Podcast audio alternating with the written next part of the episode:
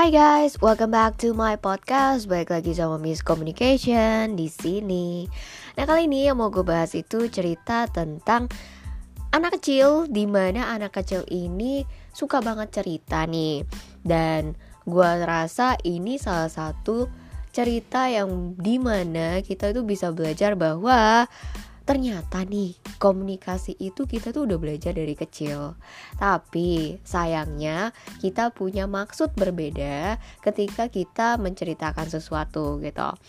Nah, yang namanya anak kecil kadangan punya maksudnya beda ketika dia menceritakan sesuatu karena mereka itu um, ternyata ya sangat sangat buruk kalau misalnya mau cerita tapi karena mereka punya energi yang luar biasa tinggi sehingga ketika mereka cerita sesuatu kita tuh mau dengerin gitu mau untuk ikut uh, di dalam ceritanya mereka. Memang mungkin mereka nggak terlalu bagus untuk mengarang uh, sesuai dengan alur tapi karena energinya mereka luar biasa ceria bagus jadinya kita mau untuk dengerin dan itu tuh lucu banget gitu.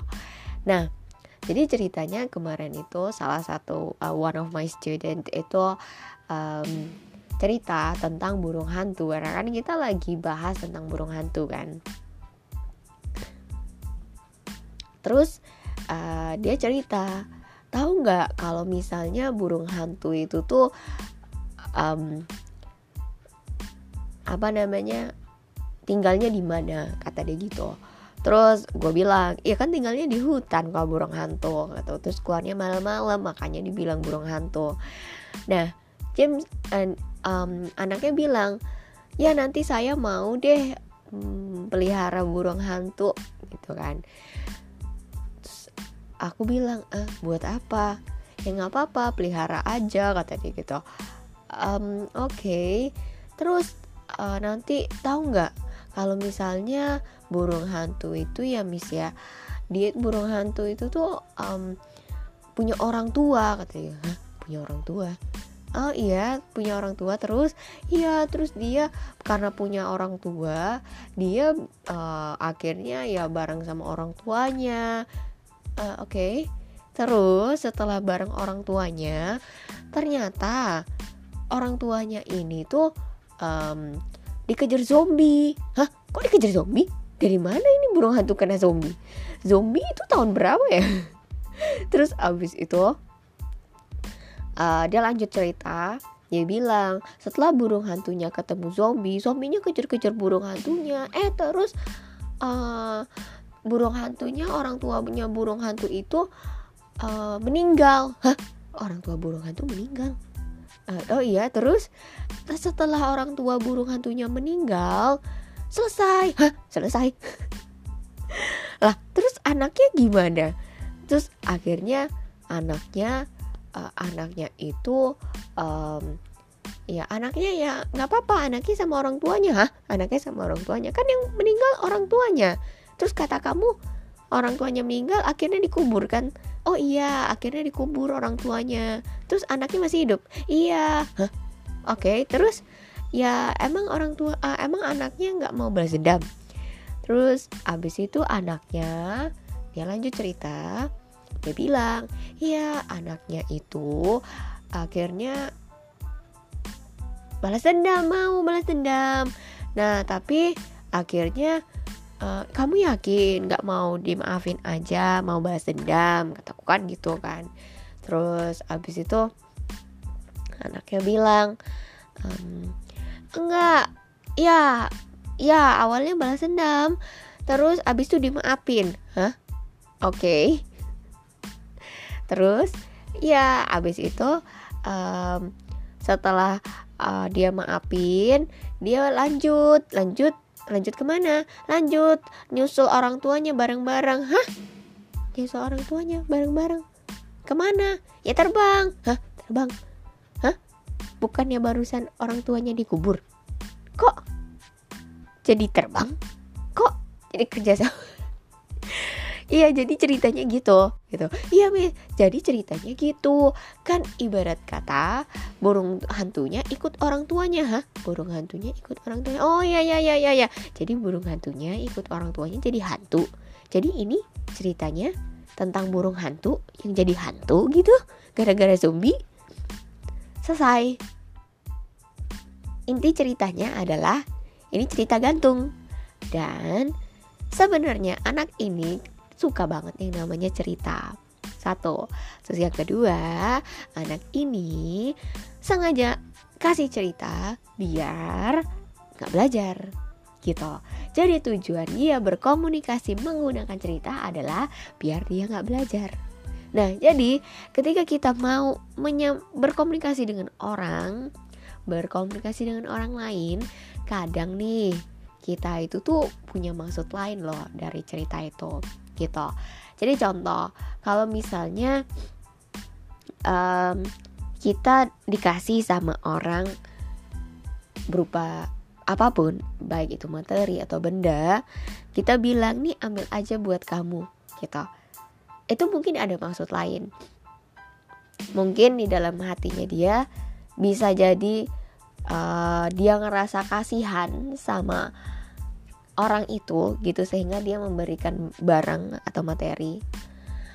Atau mungkin dia bisa punya uh, pikiran di dalam hatinya dia karena dia punya berkelebihan. Dan dia tidak mau apa uh, barang berkelebihan itu tuh nanti jadi sia-sia. Oleh sebab itu dia mau memberi karena dia punya berlebih gitu atau bisa jadi ketika dia memberi orang lain, dia bilang ini untuk kamu.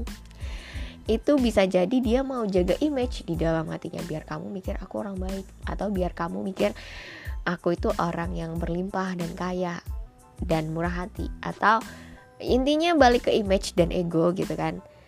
Itu bisa jadi gitu dalam artian ketika kita melakukan sesuatu atau mengkomunikasikan sesuatu kita punya isi pikiran di dalam hati kita itu ya berbeda gitu dari apa yang terjadi. Kenapa? Yang namanya komunikasi itu tuh banyak cara, tapi juga banyak maksud gitu. Ketika kita emosi dengan orang lain dan kita tidak mau memberikan energi negatif itu, maksudnya nego, emosi marah, kita akhirnya diem kan, dan kita bilang nah, mungkin ya kalau gue nih ya contoh um, contoh yang paling pernah gue lakuin gitu ketika gue sebel sama orang dan gue rasa gue perlu ngomong gitu kan. Tapi orang ini susah banget diajak ngomong. Gue bakal bilang ya udah nanti kita bicarain itu nanti ya. Sekarang kita lagi fokusnya masalah ini. Itu nanti dulu aja kita dalam artian di dalam pikiran gue bisa bilang ini topik yang kita perlu fokuskan adalah ini. Itu masalah di luar ini dan menurut gue nggak berhubungan. Jadi itu nanti dulu aja. Tapi nanti kita pasti bahas gitu. Dan gue nggak suka sama lu yang yang lagi bahas ini tapi bahas yang lain gitu. Secara panjang ya tapi secara ringkas itu nanti dulu aja kita fokus di sini masalahnya. Nah itu kan jadi punya apa ya uh, gambaran tertentu. Jadi setiap komunikasi yang kita lakukan terkadang punya maksud yang sama atau terkadang juga punya maksud yang berbeda. Maksudnya sama adalah apa yang dia katakan sesuai dengan dalam hati gitu. Tapi dalam hati ini ada emosi yang dikeluarkan secara tidak kelihatan gitu. Kalau misalnya marah, dia akan ada nadanya terus juga mimiknya ekspresinya gitu. Tapi kalau nggak marah beda cerita gitu. Itulah komunikasi. Ketika kita mengkomunikasikan sesuatu kita pasti pengen apa uh, menyampaikan maksud dari tujuannya kita mengkomunikasikan itu. Nah jangan sampai ketika mengkomunikasikan sesuatu orang jadi nggak suka gitu dan jadi malah salah paham.